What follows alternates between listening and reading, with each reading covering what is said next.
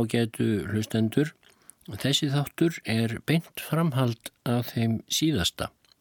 En þá var ég að lesa úr æfiminningum Ukrænumannsins Viktor Kravchenkos, Ég kaus frelsið og þar var komið sögunni að uppvarrunnið árið 1932 í Ukrænu og kommunistastjórn Stalins var í óðaönn við samirkjubúsvæðingu og yðinvæðingu eina ferlega sem hafði hríkarlegar afleiðingar fyrir bændastjettina í Úkrænu, engum í smáþorpunum.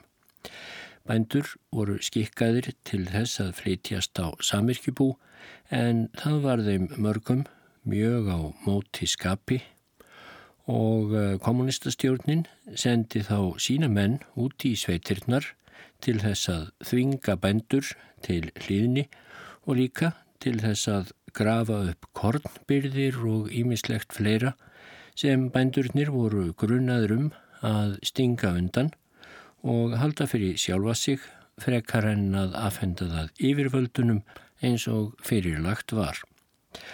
Og Kravchenko, sem var sannfærður kommunisti, þóttunum rinni nokkuð til Rivja af hver mikilli hörku gengið var fram gegn bændunum. Hann var í þryggjamanna hópi sem fór út í eitt þorpið til þess að gegna þessum skildum á vegum kommunistaflokksins. Með honum voru hörkutólið Arsínov og svo hinn ungi Serjósja Svetkov. Og uh, þar var komið að Kravchenko blöskraði harkan í Arsínov og uh, þegar hann kom einu sinni að Arsinov þar sem hann var að yfirheyra með mikilli hörku og ofbeldi einn af bændunum sem var grunnaður um að eiga einhver staðar korn í fórum sínum þá blöskraði Kravtjanko. Ég gekk til Arsinovs, skrifar hann. Ég átti fullt í fangi með að stilla mig um að berja hann. Látið bændurna fara, rópaði ég og það hefði bráðasta Arsinov heyrið er það? En hann svaraði kuldalega, það er ég sem ræð hér, félagi Kravchenko. Ég ætla að byggja yfir að vera ekki að nýsast í það sem ég á að gera. Nei, svaraði ég, þetta er mál flokksins. Sem kommunisti læti ég það ekki líðast að þér komið óorði á ráðstjórnina og hægið yfir eins og satisti og siðleysingi. Félagi Tvetkov hrópaði ég fram í Hitterbergið þar sem Serjósja var niður komin, gerðu svo vel að skrifa hjá þeir nafnið á gamla bóndanum sem verið var að berja og einnig nafn laurugljónsins sem tók þátt í því. Arsínov setti á sig frekjusveip en það var auksínlega fátánum vegna reyðiminnar. Hvern fjandan eigðir við, sagðan. Á þetta vera augrun eru þér að reyna að svífyrða sendimann kommunistastjórnarinnar í augum almennings. Ætti þessari hræstni, sagði ég, það eru menn eins og þér sem smána flokkin og landið. Laurugilþjótt látið alla bændurna fara. Félagar bændur, ef einhver ykkar verður barinn eftir þetta, þar látið mig undir öllum kringum stæðum vita það. Það er gagstætt lögum. Svetkov kom inn í skrifstofuna, hann var náfölur. Hendur hans skulfu, ég skipaði hann um að fara heim og býða mín. Svo snýri ég mér að Arsínov. Segið mér, Arsínov, er yfir ljóst hvað þér eruð að gera? Er þetta að stopna samirkjubú eða eru þetta þorpara bráð sem skambissa er notuð til að koma í framkvæmt? Þér hafið rétt til að krefjast korns og gera húsleit ef nöðsynlegt er, en þér hafið engan rétt til að brúka áfbeldi og halda yfirheyrslur á það næturlægi.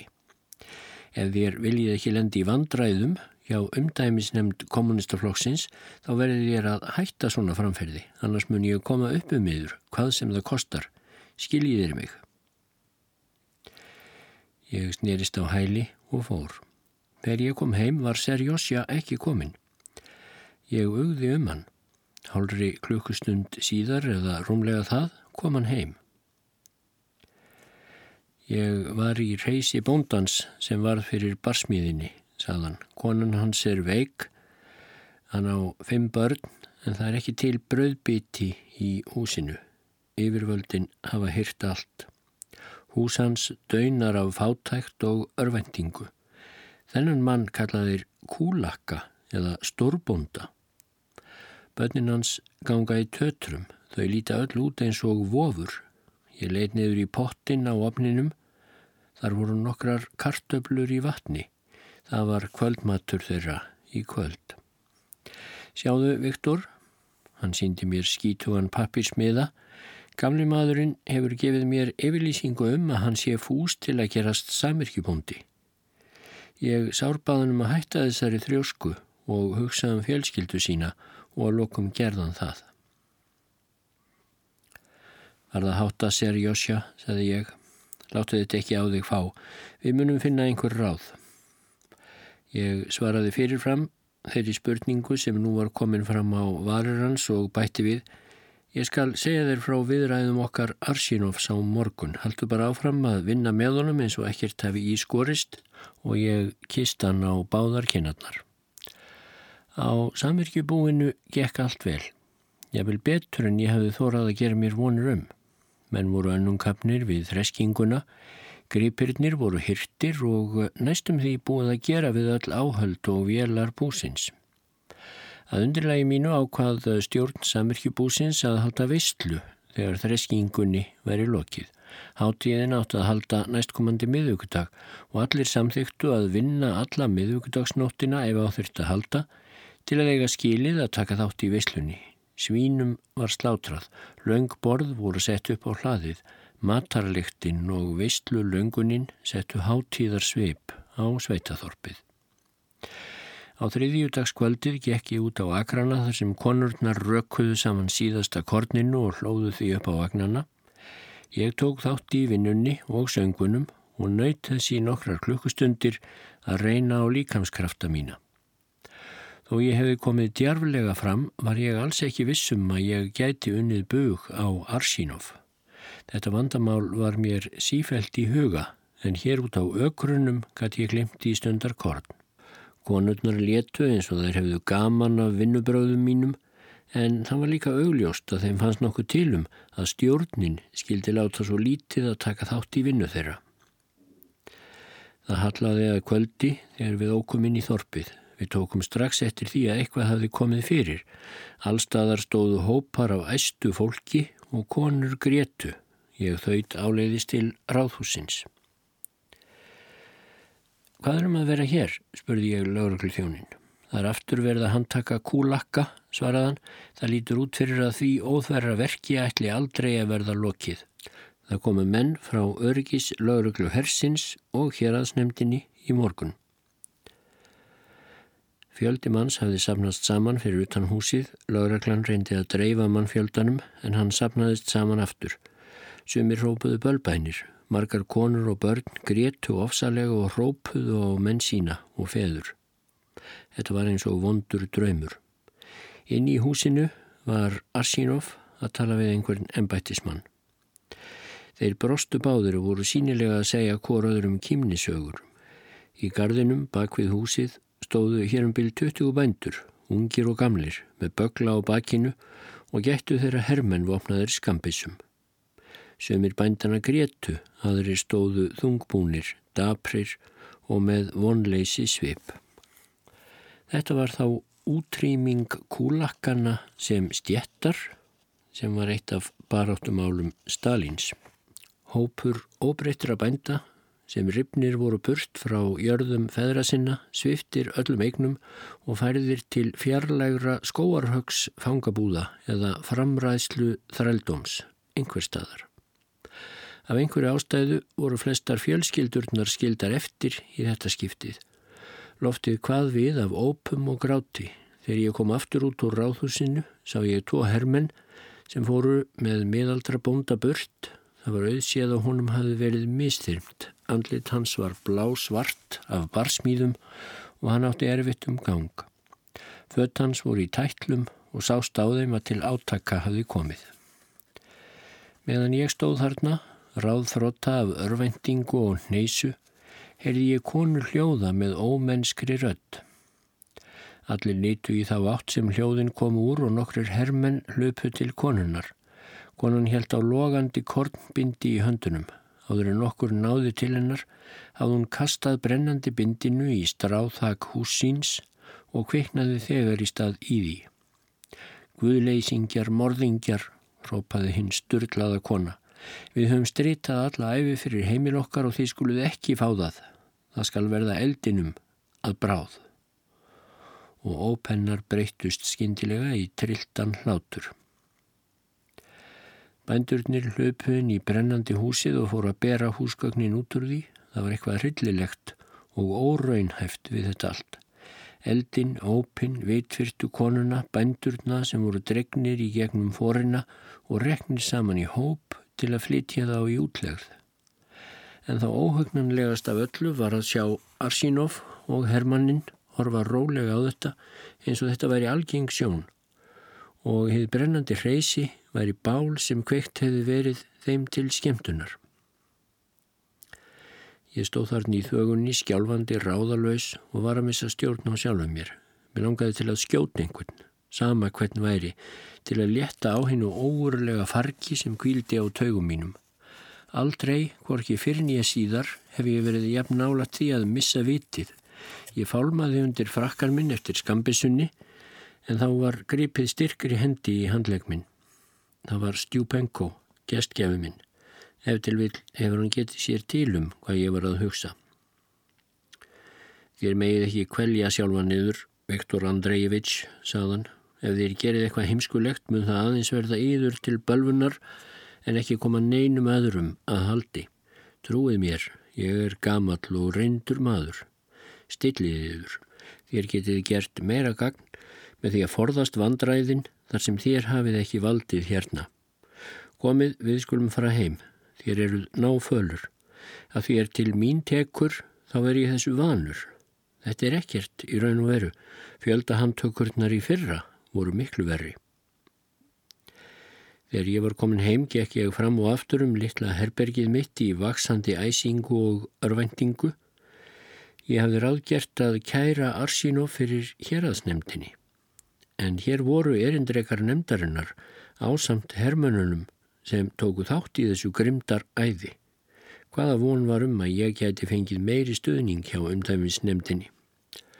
Grunur um að þetta ábeldi væri ekki tilviljun, heldur væri framkvæmt samkvæmt áallun og samþygt af hennum æðstu yfirvöldum sá grunur hafði nú stungið sér niður í huga mér. Þessa nótt var þann að vissu og svifti mig um stund allri von. Það hafði verið hægara að þóla smánin af þessu á meðan ég gæti skellt skuldinni á Arsínov eða aðra einstaklinga. En nú var ég svo dauð uppgefin að ég sopnaði án þess að fara úr fötunum. Þegar ég vaknaði svo nokkrum klukkustundum setna varð ég órólegur yfir að sjá að Serjósja var ekki í rúmi sínu. Ég hljópniður á hlaðið og þaðan inn í gardin. Hver er þetta? Ég heyrði rödd Serjósja og sjá glampa og skambisuna í hönd hans. Hann satt á bekk undir kirsuberjatrénu. Í einu vetfangi þreyf ég skambisuna úr hendi hans. Serjósja fól andlitið í höndum sér og skalv af gráti. Þú ert bjáni og bleiða, saði ég. Ég er alls ekki reikin á þér. Hverjum ætlar þú að gera gagn með því að skjóta þig? Það er heimska. Það er ekki rétt að svarið, Serjósja. Við verðum að lifa og gera það sem við getum til að letta byrðar þjóðarinnar. Ef við sviftum okkur lífi þá verði ekki aðrir eftir en menn eins og Arsínov. Hann var dalti rólegri og leitt beint í augum mér. Viktor Andrejević, ég hef séð það allt og ég skil það allt. Stjórnmálulega hef ég bætt höfði við hæð mína. Það er ekkert viti að við blekkjum sjálfa okkur, það er flokkurinn sjálfur sem á söka þessu mannúðarleysi, ofbeldi og morðum. Hinn fagru orði í ræðum okkar eru aðeins huliðsjálmur til að leina hinnum hræðilegu staðrindum. Er það þetta sem minn ágæti fadir, kommunistinn, hefur unnið fyrir alla æfi? Er það þetta sem ég hef trúað á frá því ég gekk sjálfur í flokkin? Ég fekk Serjósja til að hátta en hvorugur okkar sopnaði. Við rættum um það sem við höfum séð. Það kom svo vel heim og saman við það sem við höfum heyrt að við gátum ekki lengur efast um sannleika þess orðrúms sem fjandsamlegur var floknum eins og það var komist að orði. Við vorum fegnir þegar Stjúpenko drap á deitnar hjá okkur og sagði það er komin tími til að fara á fætur félagar. Matarveistlan fór fram þennan dag, svo sem ákveðið hafði verið, en gleðin yfir henni var nú horfin með öllu. Endur minningarnar um handtökur hinn að myndu kúlakka lág eins og farg á öllum. Kynni mín af Arsinov voru þau einn sem starfið krafðist. Ég skrifaði langa sundurliðaða skýrslu um hegðun hans og sendi hana til umdæmisnemdarinnar. Eftir fjöldahandtökurnar gengur þeir fáu sem eftir voru af harðjókslunum í bændastjettinni í samirkjubúið af frjálsum vilja eins og það var kallað. Öllu kortni í þorpinu var líka skilað einnig af frjálsum vilja. Fólkið hafði sínilega ákveðið að skára væri að svelta heima heldur hann láta flytja sig í útlegð til óþektra staða. Margir bændana báðu um að fá að selja það sem þeir áttu eftir af gripum, já ég vil húsgögn sín, til þess að geta keift korn í borgunum til að fullnæja kröfum stjórnarinnar. Kirkjan í Þorpinu hafði vel gerðað kornhlöðu og eftir því sem hækkaði í henni varð Sigur Gleði Arsinovs meiri. Hann gortaði af árangri sínum og notaði hvert tækifæri til að skensa Tvetkov. Takkir eftir því hvernig ég haga mér og lærið af því, sagðan. Gallin er að þér vitið ekki hvað bolsjevíka festa er. Brottfarar dagur okkar nálgæðist nú óðum. Arsínov tilkynnt okkur að hann ætlaði að dveljast fimm daga í viðbót til að framkvæma síðasta eftirlitið. Ég var í engum vafa um að hann varð eftir til að sapna sönnunargögnum gegn okkur Svetkov. Ég notaði síðasta daginn á samverkjubúinu til þess að ganga frá sundur liðaðri lokaskýrslu minni. Þar sem uppskerunni er nú lokið, gengi ég að því vísu að þið geti reiknað út hvað þið eigið að fá fyrir vinnu ykkar, saði ég við stjórnarnemdar mennina. Já, við höfum reiknað og reiknað, saði formaðurinn og hristi sorgmættur höfðið. Það verða um það byrj 1200 grömm af korni handa hverjum samverkjubónda fyrir dagsverkið. Við höfum aðeins unnið hlut af árinu og þessi greiðsla verður að endast fyrir bóndan og fjölskyldu hans allt árið en það hvernig ég láta 1200 grömm endast til að fæða heila fjölskyldu til næstu uppskeru, það getur aðeins guð og eftirvill flokkurinn reiknað út. Ég held að við degjum allur hungri, bætti annar stjórnar nefndar maður við með beiskju í röttinni. Sennilega hefur hann ekki myndað bókstaflega. Hvernig áttunum að geta dotti það í hug að næstum því allir íbúar þess að sveita þorps yrður endar hungursneiðunni að bráð á næsta ári. Hvernig að hann grunað að yfirvöldin myndu ég vel taka nokkur hluta af því korni sem bændurnir áttu rétt á að launum fyrir vennu sína. Við skildum við íbúa bæjarins í þokkalegri vináttu. Þeir síndu okkur Tvetkov hinn að mestu alúð. Gestgjafar okkar voru líka innilega hryggir yfir því að við værum á förum þegar við borðum síðustu kvöldmáltíðina með þeim kom Stjúpenko gamli með stóra flösku af kirsuberja brennivíni sem hann hafi grafið upp úr gardi sínum og var ennþá móldug. Guð veit að ég hef gemt þessa flösku til að taka hann upp á miklum hátíðistegi saðan. Ég hafði hugsað mér brúköpstag dóttur minnar eða ef til vill að fólk drikki svo párenni að mér látnum og talaði vel um mig. En nú hef ég komist að þeirri niðurstöðu að þeir tveir eigið skilið það besta sem ég hef að bjóða áður en því farið. Við skulum þess vegna skála fyrir hamingju ykkar og fyrir framtíð vestlings mistrymda landsins okkar. Eftir kvöldverðin sungum við gömul úkræniska lög og kona Stjúpenkós, örfuð af sopa af sterku víninu, saði þjóðlegar hetjusögur sem hún hafi lært af ömmu sinni. Þegar ég kom heim til Dnepro-Petrovsk þá virtist umdæmisnemdin vera ánað með starfmitt. En ég gæti ekki vakið raunverulegan áhuga neins fyrir skýsluminnu um framkomu Arsinovs. Já, hann hefur sína galla, var sagt við mig, en höfum við ekki allir okkar galla, en það verður að segja honum til hrós að hann nær árangri. Ég skrifaði bref til Pravda í Moskvu um eitt dæmi um grimdarlegt framferði sem setti óorð á flokkin í sveitaþorpunum. Brefinu var aldrei svarað og það var aldrei byrt. Vegna tíman sem ég dvaldist í Sveitaþorpinu hafði ég dreyist alvarlega aftur úr við námitt. Til þess að bæta það upp vann ég af meiri ákafa en nokkru sinni fyrr því dýpra sem ég gróf mig niður í tæknibókmentir í skólanum því minni tíma hafði ég til sársauka fullur að hugsanna og evasemta. Vinnan var það svefndrykk sem ég drakk í djúpum tegum.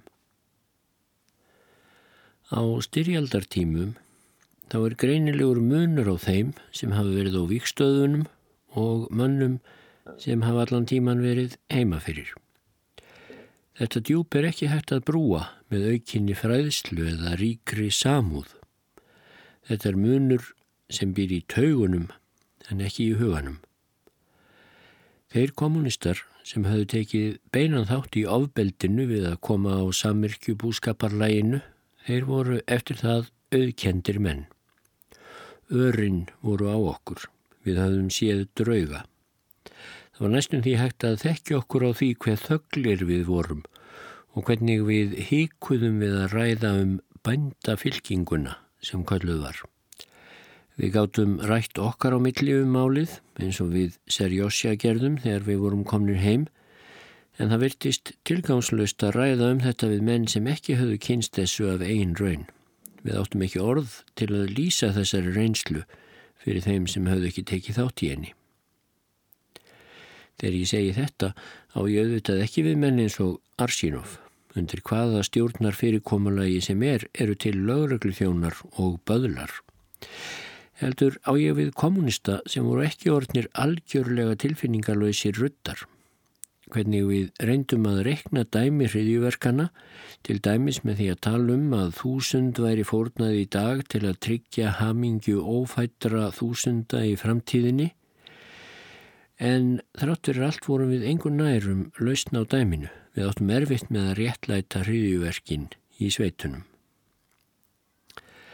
Á fundi miðstjórnarflokksins í janúar 1933 tilkynnti Stalin þjóðinni að átökunum um samirkjubúskaparlægið væri nú lokið með sigri og það væri komið á allstaðar í landinu. Stjórnar fyrir komulag samirkjubúskaparins hefur útrýmt örbyrð og fátækt í sveitaþorpinum, sagði Stalin. Dugir miljóna af hátækum bændum hafa skapað sér öryggi. Undir gamla stjórnar fyrir komalaginu unnu bændurnir til hagspóta fyrir stórjarðar eigendurna, kúlakkana og spákaupmennina. Þeir unnu og lifðu við sult og seiru meðan aðrir auguðust af striti þeirra. En með samirkjubúskaparlæginu vinna bændurnir fyrir sjálfa sig og fyrir samirkjubú sín. Eftir því sem blöðin hermdu þá var skýrslu þessari tekið með miklum fögnuði.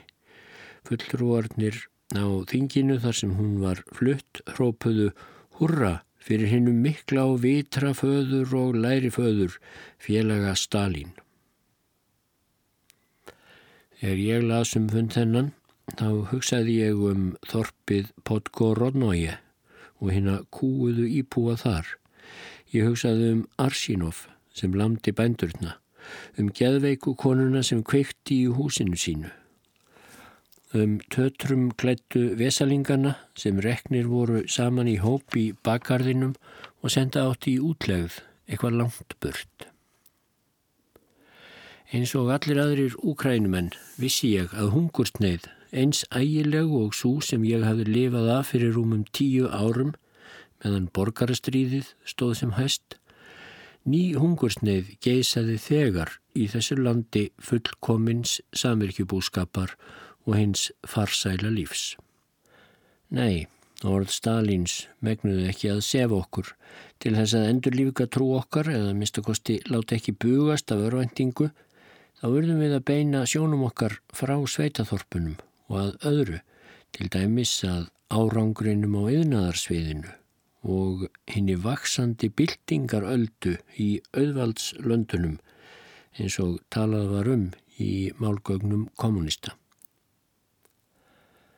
Þú veist, Viktor Andreevits, saði Serjósja, að ég hef hvað eftir annað lesið ræðu félaga Stalins sem hann held í januar á fundi miðstjórnarinnar Mér rann satt að segja kallt vatnmiðl í skins og hörunds þegar ég las það sem hann segir um sveitaþorpin.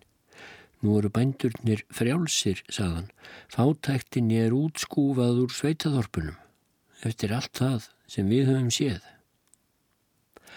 En yðnaðurinn, Serjósja, saði ég, þar gegnir öðru máli. Lítu á hinnar mörgu nýju verksmiðjur, námur, málmsmiðjur, virkjanir og aflstöðvar. Það er dásamlegt að vita hver hratt okkur miðar áfram.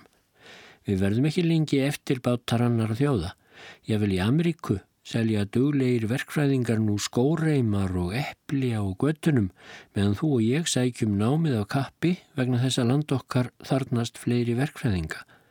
Þar er atvinnuleysi í kreppunni miklu en hér er ekki nægilega margar hendur til að vinna. Það er alveg sama, saði Serjósja. Ég get ekki glimt hriðiverkunum í Podgorodnói. Ég ekki heldur, Serjósja, viður kendi ég. Ræðu Stalins var hamraðinn í okkur með fyrirlesturum í floknum, á fundum leðtóaflokksins og á umdæmisfundum.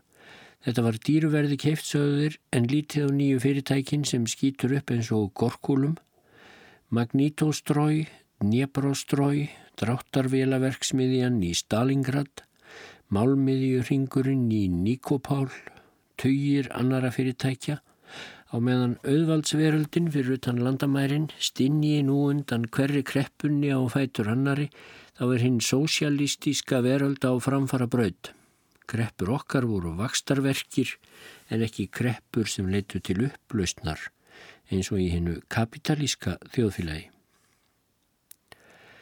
Rún auðvaldsins endalók þess stundar fyrirbreyðis var hinn mikla huggun í hinnum rúsneska þrældómi.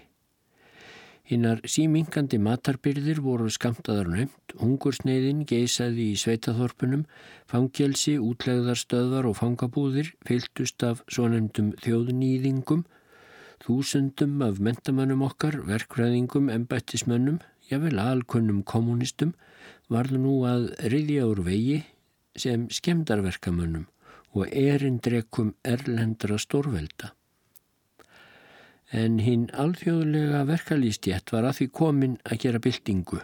Sósialíska byltingu var okkur tjáð. Stalin orðaði þetta svo, hinn glæsilegi árangur fimm ára áallunarinnar eblir byltingarmátt verkalýðsins í öllum löndum. En hvað gerðist? Nákvæmlega 23 dögum eftir ræðu Stalins komst Hitler til valda í Þískalandi. Sápukúlan sprakk fyrir augunum á okkur.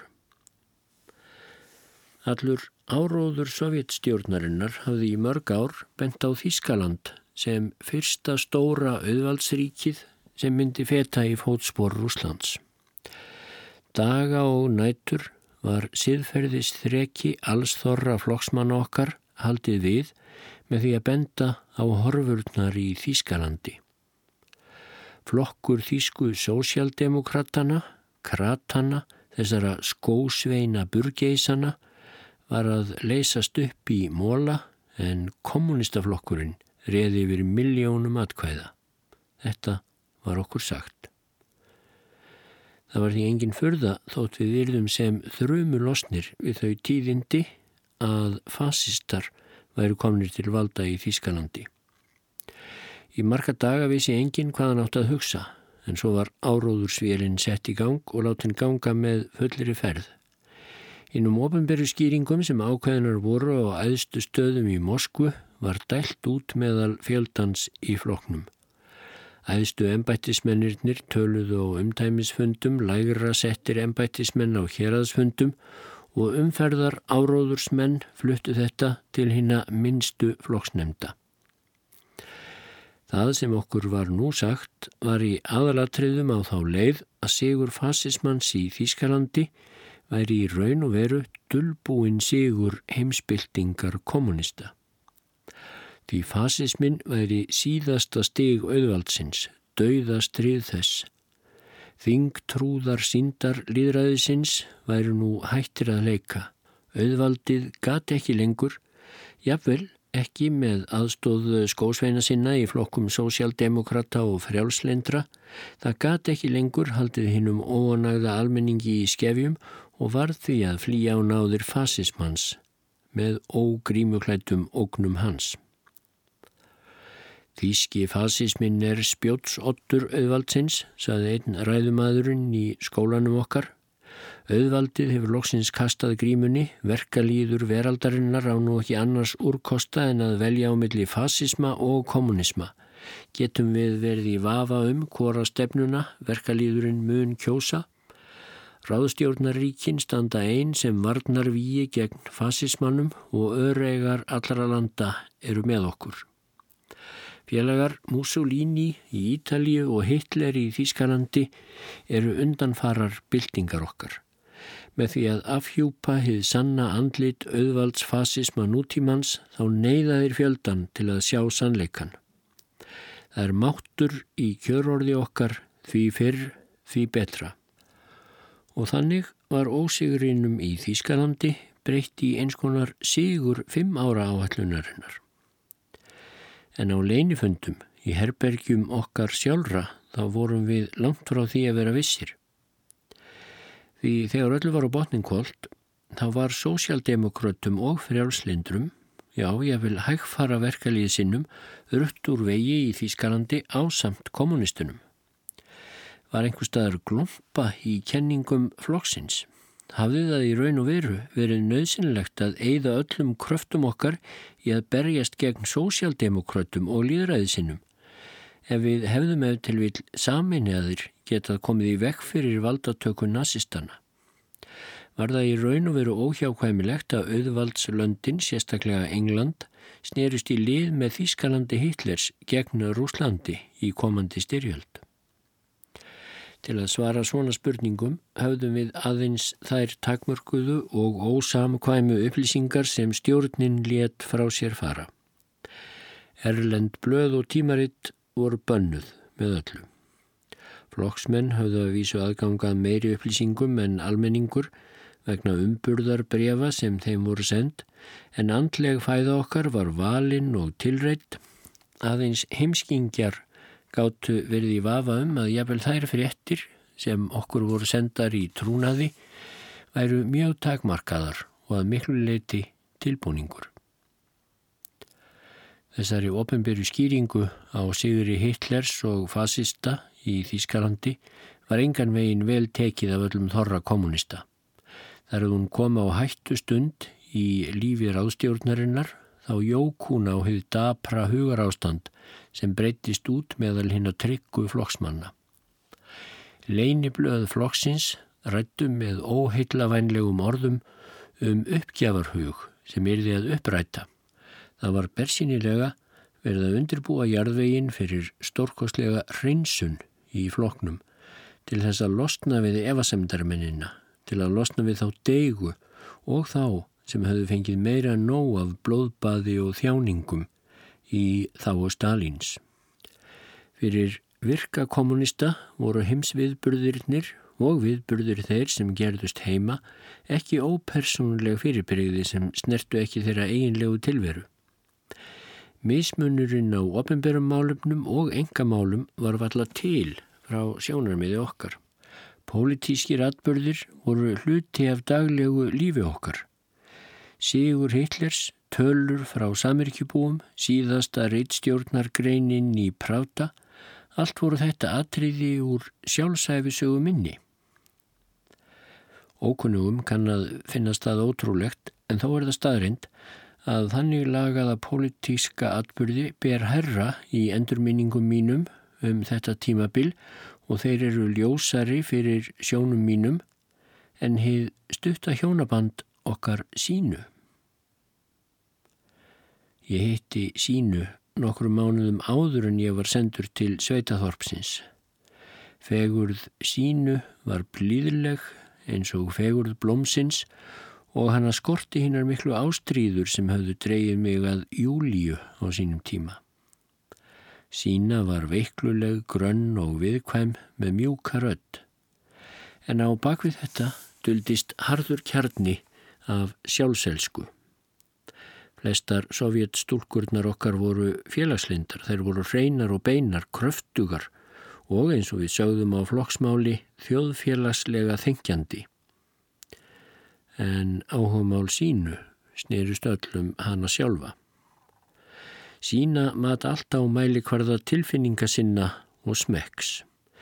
Vinir mínir sögðu mér í viðvörunar skinni að sína væri burgeisastúlka og ást mín var frá byrjun ekki laus við óþægilega sektartilfinningu. Ég vil áður en við sína skrásettum hjónaband okkar þá var hún óanægð yfir því hversu miklum tíma ég eitti til flokkstarfa. Og hvað um mig, sagði sína, þú vilist aldrei hafa neitt tíma til að sinna mér. Ekki var ónægjan minni yfir því hver þröngur fjárhagur minn var og að við erum að búa hjá fjölskyldu minni. Fjölskylda hennar fór ekki í neina launkofa með vonbreyði sín yfir því að sína skildi ekki hafa fengið betra gjavorð en mig. Við vorum því bæði fegin þeirri fyrirskipun sem bauð mér að fara til samirkjubúskapar sveitana. Það var kærkomið hlið og þessi aðskilnaður í nokkrar vikur var nægilegur til þess að hjónaband okkar rak upp á sker. Þegar ég kom aftur frá Sveitaþorpinu, miður mín og óróri í skapi, þá var mér misbóðið af áhuga leysi sínu á því sem ég hafði heyrt og séð. Í byrjun tók ég ekki eftir því að hún var í nýjum silkikjól. Já, hún var jáfnvel með nýja skartgrippi sá ég um síðir. Á þessum tímum var ennþá mjög auðvelt og einfalt að skilja. Það þurfti að skrá skilnaðin og hínu hjónana var svo tilkynntað með postkorti. Eftir að ég hafði slitið hjónabandi mínu þá frétti ég að sína hefði eignast skemmtilega nýja vini í fjárveru minni. Meðfætt eigingirni hennar hafði beintinni á réttabraut fyrir hana. Meðal þessara vina var maður sem var í góður í stöðu og hafði sambönd á auðstu stöðum og gatt því fullnægt burgeisa smekk hennar. Hún giftist honum skömmu eftir skilnað okkar. Fegurð sínu hafði reynst allt og mikill munaður fátækum nefnda og enþá meiri munaður alvarlega hugsandi kommunista. Um margar ára skeið á eftir rakst ég á hana í leikhúsum og hljómleikum. Sína var alltaf vel klætt, hafin yfir almenning, ein af þeim sem komist áfram í okkar nýja þjóðfélagi. Ég átti bátt með að trúa því að ég hefði einu sinni verið kventur þessari konu. Fyrsti árangur samirkjubúskaparlagsins var döiði. Þó að ekki væri minnst á það orði í blöðunum þá var hungursneið svo sem geisaði í öllum söðurluta Rúslands, Úkrænu og Mið-Asíu á allra manna veitorði. En við, við kommunistar, við vísuðum á bög sem orðurómi fjandsamlegum ráðstjórnaríkjunum því sem við vissum að voru örugar staðrindir. Því að þrátt fyrir strángar laurugluður ástafanir til að halda fórnardýrum hungursneðarinnar heima hjá sér, þá tók Dnjepr og Petrovsk borg brátt að fyllast af hungruðum bændum. Margir þeirra lág í móki á hjáttbröytarstöðunum og veikburðajafel til að betla. Börnin þeirra voru kjannaðin beinagrind og uppþemdur kviður. Áður hafðu vinir og ættingjar í sveitunum sendt matarbögla til borgarna. Nú fóru sendingarnar í öfuga átt, en matarskamtar okkar voru svo litlir og svo ótryggir að aðeins fáir þorðu að hætta á að láta eitthvað af hendi af byrðum sínum. Þar eða hungursneiðin geysaði samtímis því að fyrsta fimm ára áætlunin hafði verið leitt til lykta á fjórum árum þá voru blöðunum leið full af gorti yfir afrekum okkar. En hinn háværi áróður gatt þó ekki algjörlega yfirgnæft stunur hinn að degjandi manna. Sumum okkar fannst þessi rópum hið nýja sælu líf, djöfullegt, jáfnvel hræðilegra en sjálf hungursneiðin. Allt var komið undir henni nýju uppskeru. Mundu hinnir langsóltnu sveitamenn hafa þrek og vilja til að skera upp og þreskja meðal miljónana sem voru að deyja. Til þess að tryggja það að kornið yrði skorið upp, til þess að koma í vekk fyrir að samirkjubændur í örvendingu sinni borðuðu nýgræðingin og til að bjarga samirkjubúunum frá því að fara í rústir vegna óstjórnar og til þess að berjast gegn andstæðingum samirkjubúskaparlagsins þá voru settar á stopn sérstakar pólitískar deiltir í þorpunum og voru í þeim tryggir kommunistar, herrmenn, embættismenn, sérfræðingar, menn frá leinithjónustinni, NKVFD og nefendur. Meira en hundrað þúsund manna herr óbífanlegra kommunista sem miðstjórnin hafði valið sérstaklega var þannig drift yfir þau héruð þar sem samirkju búin voru og var það skilda þeirra að bjarga henni nýju uppskeru. Ég var meðal þeirra sem var bóðið út til þessara starfa. 300 okkar frá hennum ímsu flokksfélögum í borginni söpnuðumst saman í aðalstöð umdæmisnemdarinnar. Félagi Hatjevich, rítari nemdarinnar og einn af fremstu kommunistum Úkrænu, helt aðalræðuna. Hann dró ekki dula á þá erfiðleika sem við myndum verða fyrir í sveitaþorpunum. Hvað eftir annað ymbraðan á þeirri flokkshreinsun sem ákveðin hefði verið setna um árið. Þessi bending var ofgreinileg til þess að við getum miskilið hana. Pólitíst líf okkar í framtíðinni var komið undir árangri okkar eða mistökkum í héröðunum þar sem hungursneiðin geysaði.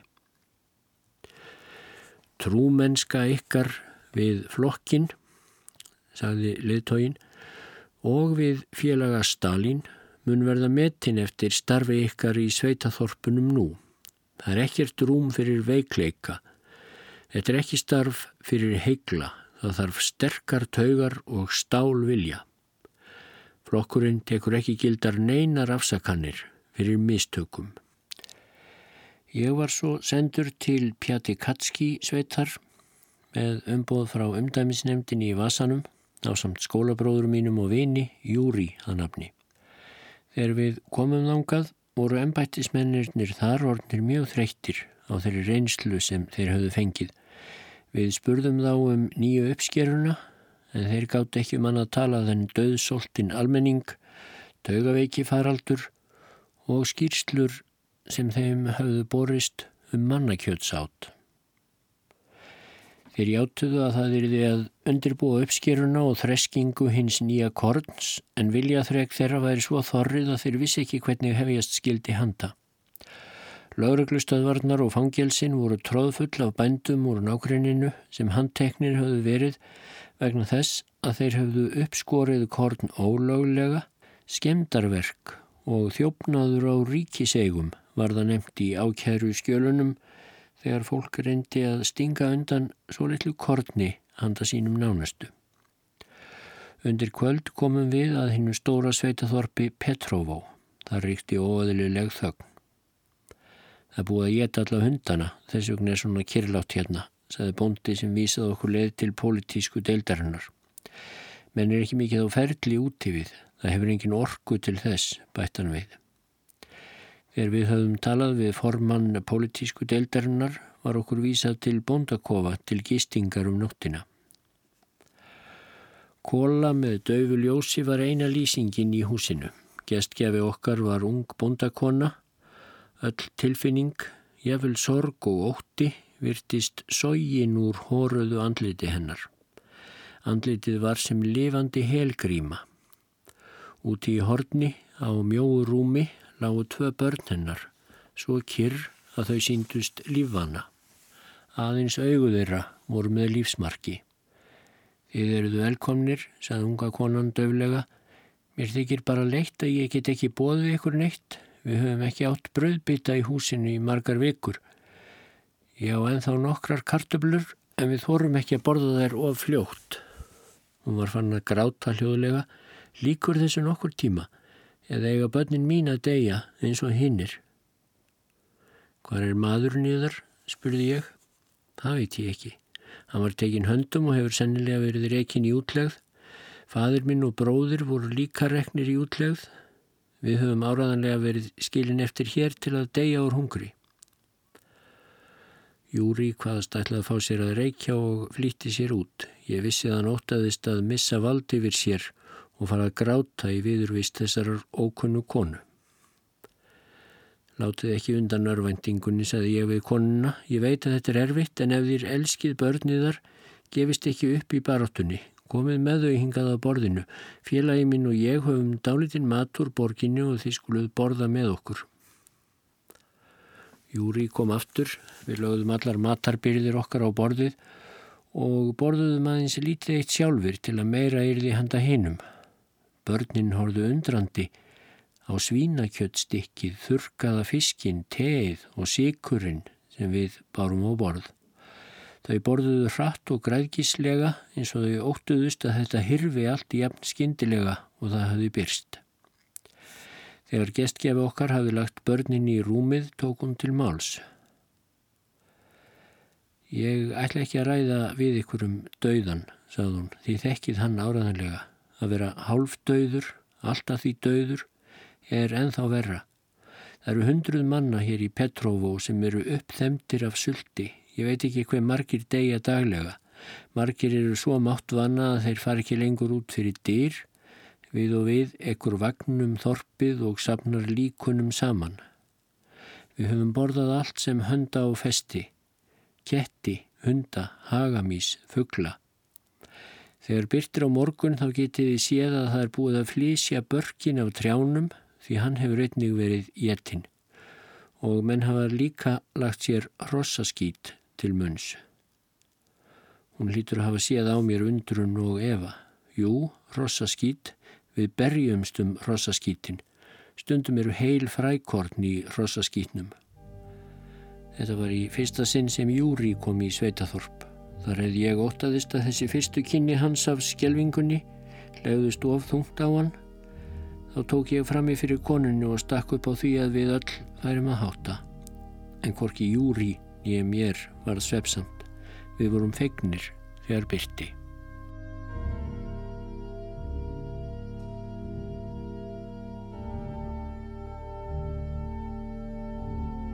Ég held svo áfram að lesa úr æfiminningum Kravtjenkos í næsta þætti.